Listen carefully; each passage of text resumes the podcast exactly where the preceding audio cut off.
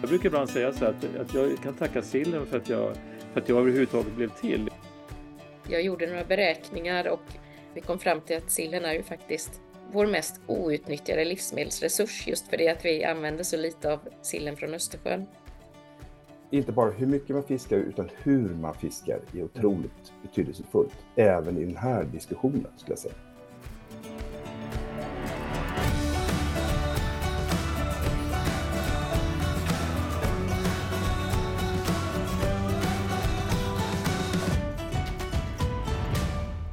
Vi har länge fått höra att fisken i Östersjön innehåller farliga miljögifter och att vi därför inte bör äta den i någon större omfattning. Men fisken fiskas ändå. Det är bara det att den inte landar på våra tallrikar utan runt 90 procent av i huvudsak sill och skarpsill blir till fiskmjöl framför allt som går till foderindustrin. Men är Östersjöfisken fortfarande överfull av miljögifter? Eller skulle vi kunna äta mer av den? Och i så fall hur? Jag heter Helene Almqvist och är ny programledare här i podden Landet. Och med mig idag per videolänk finns tre experter på ämnet fisk, miljögifter och Östersjöns skatter. Och vi låter väl dig i Uppland få presentera dig först. Ja, okej. Okay. Jag heter Leif Andersson och eh, jobbar på Uppsala universitet med genetisk forskning på olika djur, bland annat sill och strömming. Och så åker vi över till västkusten och Chalmers tekniska högskola i Göteborg. Jag heter Ingrid Underland och leder forskning där som handlar om att bättre utnyttja underutnyttjade marina biomassor till, till livsmedel.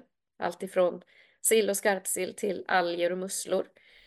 Och så tillbaka till östkusten och den som väl faktiskt bor närmast Östersjön, eller rättare sagt i Östersjön, på en ö. Jag heter Gustav Almqvist, jobbar på Länsstyrelsen i Stockholm. Jag eh, leder ett projekt om ekosystembaserad havsförvaltning. Och eh, så har du en annan tung merit, nämligen att du har varit fiskhandlare i Stockholm under många år. Ja, just det det var ett gäng år som jag var fiskhandlare. Det var nästan hela min uppväxt, alltså mellan 15 och 30. Eh, så stod jag där nere i Hötorgshallen och sålde och lagade mycket fisk också. När nyheterna handlar om Östersjön och dess fisk så har det låtit så här i många, många år.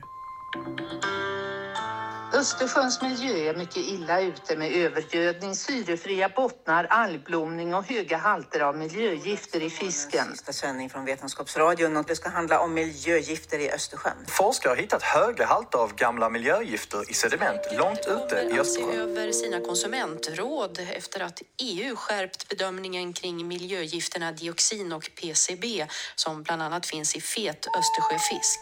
De miljöföroreningar som förekommer i Östersjön är bland annat tungmetaller, PFAS, PCB och dioxiner.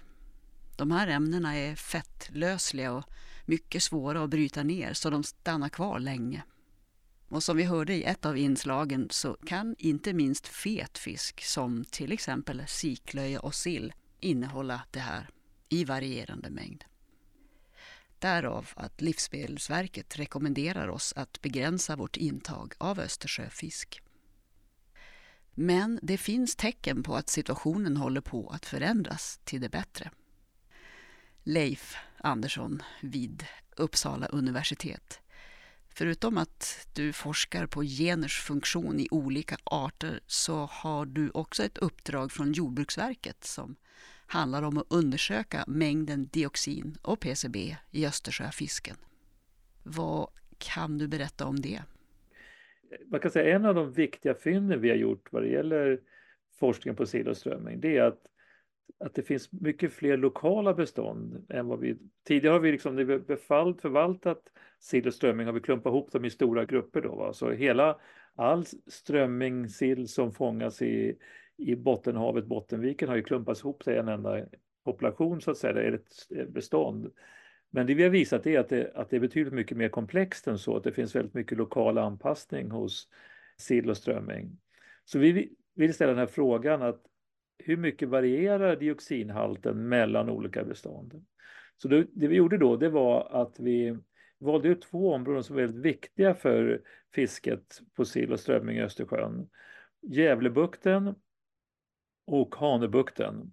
Och så samlar vi in då stickprov från olika tidpunkter, från maj till juli på eh, sju, åtta ställen i de här områdena. Och så tog vi fram genetiska data från alla och tittade på släktskapet mellan dem och så mätte vi eh, i samarbete med IVL då, så mätte vi mängden dioxin och PCB. Och det man, först man kan säga det, det är ju att all den fisk som fångades i Hanöbukten var ju långt under gränsvärdena. Så den fisk som vi samlade in och som fångas där, det är ingen som helst, finns inget skäl att ha restriktioner på den. Däremot uppe i Gävlebukten, där är ju, har vi ju problem med att det är ganska höga halter av dioxin och PCB. Men det som var väldigt intressant och det var när vi gjorde de här studierna så, så tog vi med det här. Så vi hade fått tips om att det förekommer storväxt strömming eller sill, vad vi nu ska kalla dem. Och, och lokalbefolkningen uppe i Gävlebukten, de kallar den här för slåttersill, som är betydligt mycket större. Och då var den här frågan, är det bara liksom vanliga strömmingar som har fått, haft möjlighet att växa sig stora? Men det vi kunde visa det var att, att de här slåttersillen är en unik genetisk population, så de är en egen grupp. Och de är feta då som vi har pratat om. Då förväntar vi oss att de skulle ha mer dioxin. De har behövt mer tid på sig att växa sig stora då och har mer fetter som, där, man, där dioxinet hamnar.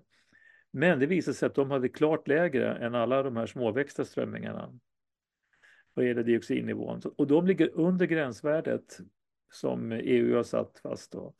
Och eh, vad det betyder eh, är ju att de måste ha ett annat födosöksbeteende. Eh, Ändå var de söker föda eller vad de äter för någonting.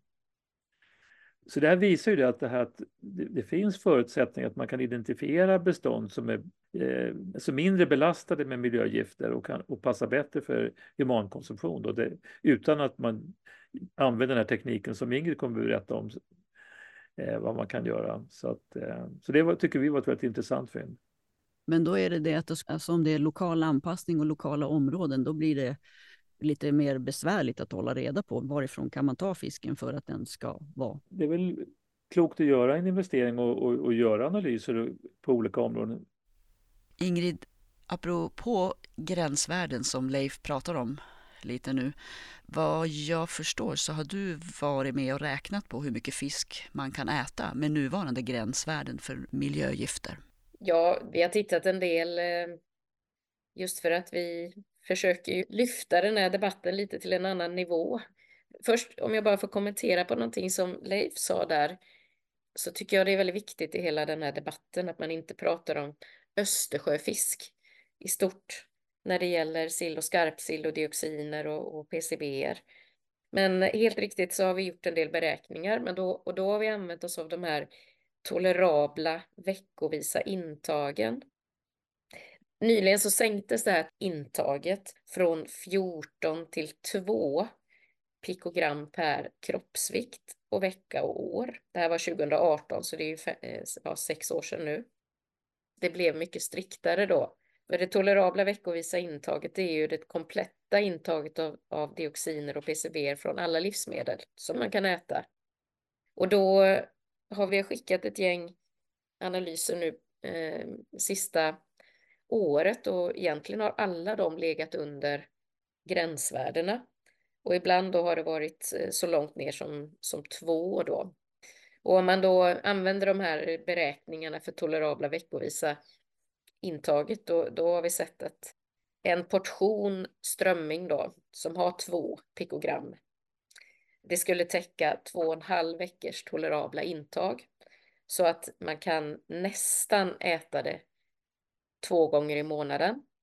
Men precis som du indikerade här innan så har ju vi också jobbat med metoder för att ytterligare sänka dioxinhalten genom att göra en färs som vi sedan har tvättat på olika sätt. Och då har vi kommit fram till att man faktiskt kan äta 200 gram i veckan. Och det är ju en ganska stor portion. Så att jag tycker det är intressant med retoriken man använder i detta.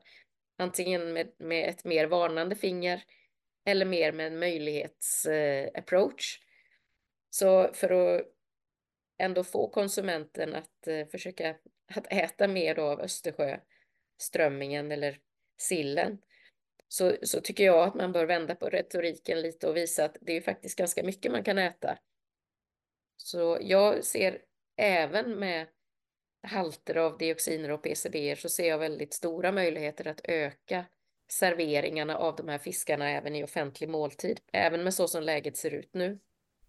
Och när vi nu pratar om gränsvärden, Gustav, jag vet att det inte riktigt är ditt område, fast du vet en del om det. Men i, i Finland så talar man om ett så kallat nyttovärde av att låta, eller av att äta Östersjöfisk. Man ställer alltså nyttan av att äta fisken och få i sig vitaminer, omega-3-syror och sånt mot risken av att undvika det. Det stämmer helt och hållet. Och I Finland så lyfter man ju väldigt mycket mer förtjänsterna av att äta fisk. Och man, har ju en, man håller ju fast vid en kultur av husbehovsfiske och att äta närfångad fisk och så här mycket mer än vi gör i Sverige idag. Alltså det, det är någonting som vi har haft men börjat lämna. Och där är ju rekommendationerna lite mer som Ingrid föreslår här, eller förespråkar. Alltså mindre restriktivt än det i Sverige. Och man lyfter helt enkelt med förtjänsten med omega-3, eh, omega-3-fetterna och D-vitamin och, och de elementen som också, de positiva sakerna som kommer med, med fisk som, som näring. Framförallt fet fisk.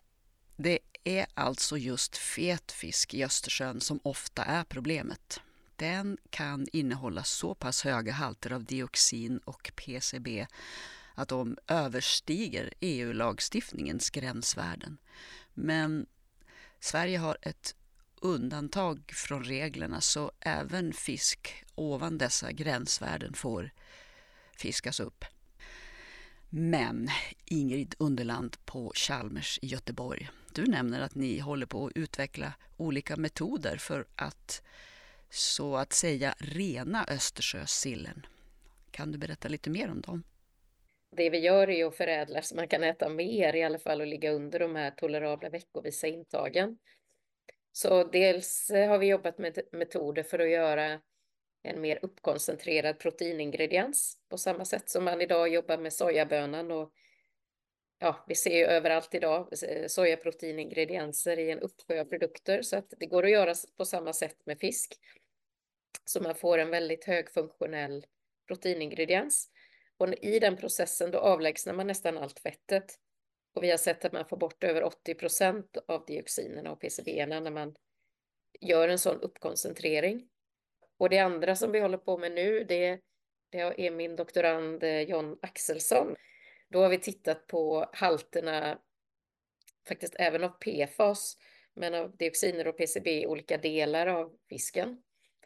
Och vi har också sett vad som händer om man avlägsnar ja, skinnet i en så kallad köttbenseparation när man gör en färs. Och redan i en sån process, när man avlägsnar skinnet, eftersom mycket av fettet sitter under skinnet, så får man bort nästan hälften av dioxinerna och PCBerna. Och sen har vi då gått vidare och, och gjort, eh, ja, utsatt den här färsen för en ja, enklare tvättsteg i vatten och andra lösningar. Och då har vi fått bort ännu mer av dioxinerna och PCBerna. Så att det går genom att använda rätt delar av fisken och genom relativt enkla och skalbara processtekniker så kan vi utan tvekan få fram proteiner och färser som vi kan äta väldigt mycket av idag. Finns det något gryende intresse för att börja med att tvätta bort dioxin ur fisken och, och då faktiskt dra igång något lite mer storskaligt projekt? Absolut. Det finns ett jätteintresse. Verkligen. För det, det man hela tiden använder som incitament för att inte landa in fisken i Sverige, det är ju att det finns ändå inga metoder och, och och den är giftig och så vidare. Så genom att, på, och visa på case när man kan få fram jättebra produkter så, så ger man ju en slags möjlighetskarta att vi kan visst, bara hamnarna byggs ut och infrastrukturen byggs ut så kan vi absolut göra jättebra livsmedelsprodukter av den här fisken. Så vi har haft ett väldigt stort intresse för den forskningen som pågår nu. Man kan ju ta det med samhäll, ur samhällsekonomiskt perspektiv då, när man fångar strömming och mal ner det till fiskmjöl, så, så vitt jag vet så får man ungefär två kronor kilot för den fisken. Men, och den mal man ner då till, till fiskmjöl och sen utfodrar man lax och så importerar vi lax då för en helt annan, helt annat kilopris. Så skulle vi kunna ersätta en betydande del av den importerade laxen med mat från strömming och sill så skulle det vara otroligt värdefullt ur ett samhällsekonomiskt perspektiv och också ur miljösynpunkt skulle det också vara, vara en, en väldigt stor fördel skulle jag säga. Men hur, Gustav Almqvist vid Länsstyrelsen i Stockholm, hur tänker du om det som Leif och Ingrid säger? Eh, det, det, är väl bra att man, att man använder fisk till ja, konsumtion istället för till fiskmjöl. Det tror jag är jätteviktigt och det är de absolut de flesta överens om. Framförallt som att det, det, ja, det, det har varit till laxodlingen, men det är även under, under stora delar av Eh, under perioder tidigare så har det gått väldigt mycket till minkindustrin också. Eh, minkfarmer, vilket är helt hål i huvudet. Liksom. Främmande hårt med, med, med eh, minkar som flyr och allt det där. Men eh, det, alltså Östersjöns fiskbestånd är i kris. Och 2018, 2019 så var det ett extremt intensivt fiske utanför Stockholms län. Och det är så otroligt omvittnat hur mycket det påverkade den lokala förekomsten av strömming, men även då hela det här, egentligen ekosystemet, alltså hela Stockholms skärgård och kusten. Och vi, vi har väl alla följt det som hände i höstas, det här med att man ska sätta kvoten och vi och man fann att strömmingen, eller sillen i centrala beståndet, var under alla kritiska nivåer och under den här 5 gränsen som hade, man hade satt i en förvaltningsplan som man har kommit fram till. Och ändå beslöt man att man skulle fortsätta fiska. Men det är inte bara hur mycket man fiskar, utan hur man fiskar är otroligt mm. betydelsefullt, även i den här diskussionen, skulle jag säga. Det var så jag tänkte med min kommentar, därför att jag mm. menar ur samhällsekonomisk synvinkel, så om man använder fisken för humankonsumtion istället för att göra fiskmjöl, så kanske man kan ha 10 procent av fisket och få lika stort värde ur samhällsekonomisk synvinkel och då få ett väldigt uthålligt fiske då, där man bevarar bestånden. Då. Mm. Men, men ser man till att man fiskar de här stora båtarna idag så kan det vara lönsamt för dem att fiska för industri, för, att, för, för fiskmjöl, för att de kan dels få dem ganska bra betalt under, under periodvis så att den här skillnaden, man måste få ganska mycket mer betalt för konsumtionsfisk om det ska löna sig. Finns det någon möjlighet att det kan bli så? Med dagens fiskepolitik så ser jag inte att det, alltså på, från politiskt håll så har man ju en, en vilja att, att det ska bli så. Man pratar om det småskaliga, man pratar om det lokala, och så, men om man tittar på åtgärder så är det väldigt lite som leder i den riktningen. Det är inte så att det är någon enhetlig, eh, eh liksom samlad politik i den riktningen. Det skulle inte jag vilja påstå. Utan det är väldigt mycket med att man, har, man anpassar politiken och förvaltningen lite grann till hur det blivit. Och det här med den här överförbarheten, eh, att man kunde köpa kvoter av varandra, vilket har genererat de här stora fiskeföretagen. Det är någonting som var nog lite, om man får uttrycka det krasst, naivt skött. Och, och, skulle man sluta med det här, jag tror att det skulle vara otrolig potential för Östersjön, för, för, för bestånden att återhämta sig. Eh, vi skulle kunna ha ett pärlband med, med små, små kustsamhällen längs, längs kusten i Janus där. Men vi, det, det, krävs ju otroligt, det krävs verkligen åtgärder, att man, att man begränsar det här fisket i så fall. Ingrid, utifrån att eh, du jobbar med olika sätt att faktiskt använda sig av Östersjöfisken, ser du att det finns någon chans att det skulle kunna bli mer företagsmässigt intressant? Så att det på så vis skulle kunna gå att driva på utvecklingen mot det bättre? Absolut, för så som det är idag så tjänar ju inte Sverige några förädlingsvinster på fisken överhuvudtaget, utan den förädlas i Danmark. Så, och där är ju stora initiativ på gång nu med ny pelagisk beredningsfabrik både på västsidan och ostsidan. Sen hur långt de är gångna det är lite oklart men absolut, jag menar om det kan börja skapa både intäkter och kompetensförhöjning och, och nya livsmedel för den svenska marknaden och för export. Men just att det ändå förädlas i Sverige så skulle, skulle man ju kunna tro att det kan bli en avsevärt större bidrag till BNP men jag är helt med dig att man hade önskat sig ett mer hållbart fiske. Och eftersom vi pratar om sådana gigantiska volymer, eh, jag har räknat ganska mycket på detta på kors och tvärs, men det är ju idag drygt 100 000 ton som går till foder utav sillen, sillens restråvaror och skarpsillen och så har vi tobisen också. Och det är ju sådana volymer så att även, alltså man skulle ju kunna förse hela Sverige med eh, ett antal, x antal måltider varje månad, liksom, utan att man ens nosar på de stora volymerna. Så även om man skulle dra ner kvoterna kraftigt, men samtidigt övergå till att använda dem till livsmedel, då skulle man ju rita om hela bilden och jag tror att den möjligheten finns. Sen har ju sista årens debatt om livsmedelssäkerhet och att bättre nyttja de resurserna Sverige själv har, det har ju intensifierat hela tanken kring sill och att vi måste börja äta mer av den resurs som vi egentligen har allra mest av, eller den av havets resurs som vi har allra mest av. Och jag gjorde några beräkningar ihop med Jordbruksverket här för ett tag sedan och vi kom fram till att sillen är ju faktiskt vår mest outnyttjade livsmedelsresurs just för det att vi använder så lite av sillen från Östersjön. En annan sak som jag skulle vilja, jag håller verkligen med Ingrid, och en annan sak som, som verkligen skulle kunna lyfta det är ju säsongsmässigheten. Vi, mm. vi har ju, ta skarpsillen exempelvis, skarpsillen den kommer in längs kusten på, på sen, och eh, där kan den fångas eh, väldigt lätt. Eh, man skulle kunna utveckla ett småskaligt trålfiske.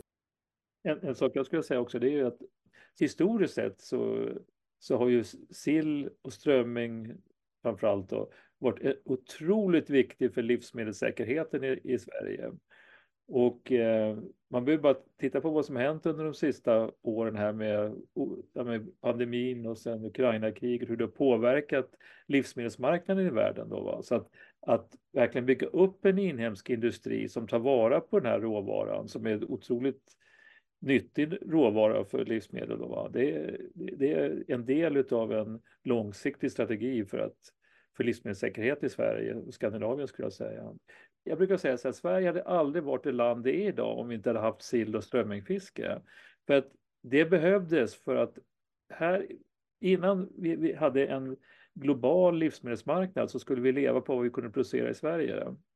Och vi har en kort växtsäsong så att överleva vintern, det var saltad sill. Det var otrolig stapelföda under lång tid av vår historia. Så jag brukar ibland säga så att, att jag kan tacka sillen för att jag, för att jag överhuvudtaget blev till. Liksom. För någon av mina förfäder hade svultit ihjäl eller inte haft tillräckligt med näring för att föda fram ett barn eller för ett barn att överleva. Då. Så att det, det har varit superviktigt för oss och det kan bli det igen. Leif Andersson från Uppsala universitet, Ingrid Underland från Chalmers i Göteborg och Gustav Almqvist från Länsstyrelsen i Stockholm. Stort tack för att ni ville vara med i podden. Tack, vad kul. Ja, verkligen. Jättekul. Podden Landet görs av Landsbygdsnätverket och på vår webb kan ni läsa mer om blå näringar det vill säga projekt, forskning, företag som riktar in sig på bland annat en del av det vi pratat om idag. Att förädla, utveckla och hitta metoder som gör havets råvaror, även det som finns i Östersjön, till hållbar mat. Producent var Ingrid Whitelock. Jag heter Helene Almqvist och säger tack till alla er som lyssnat.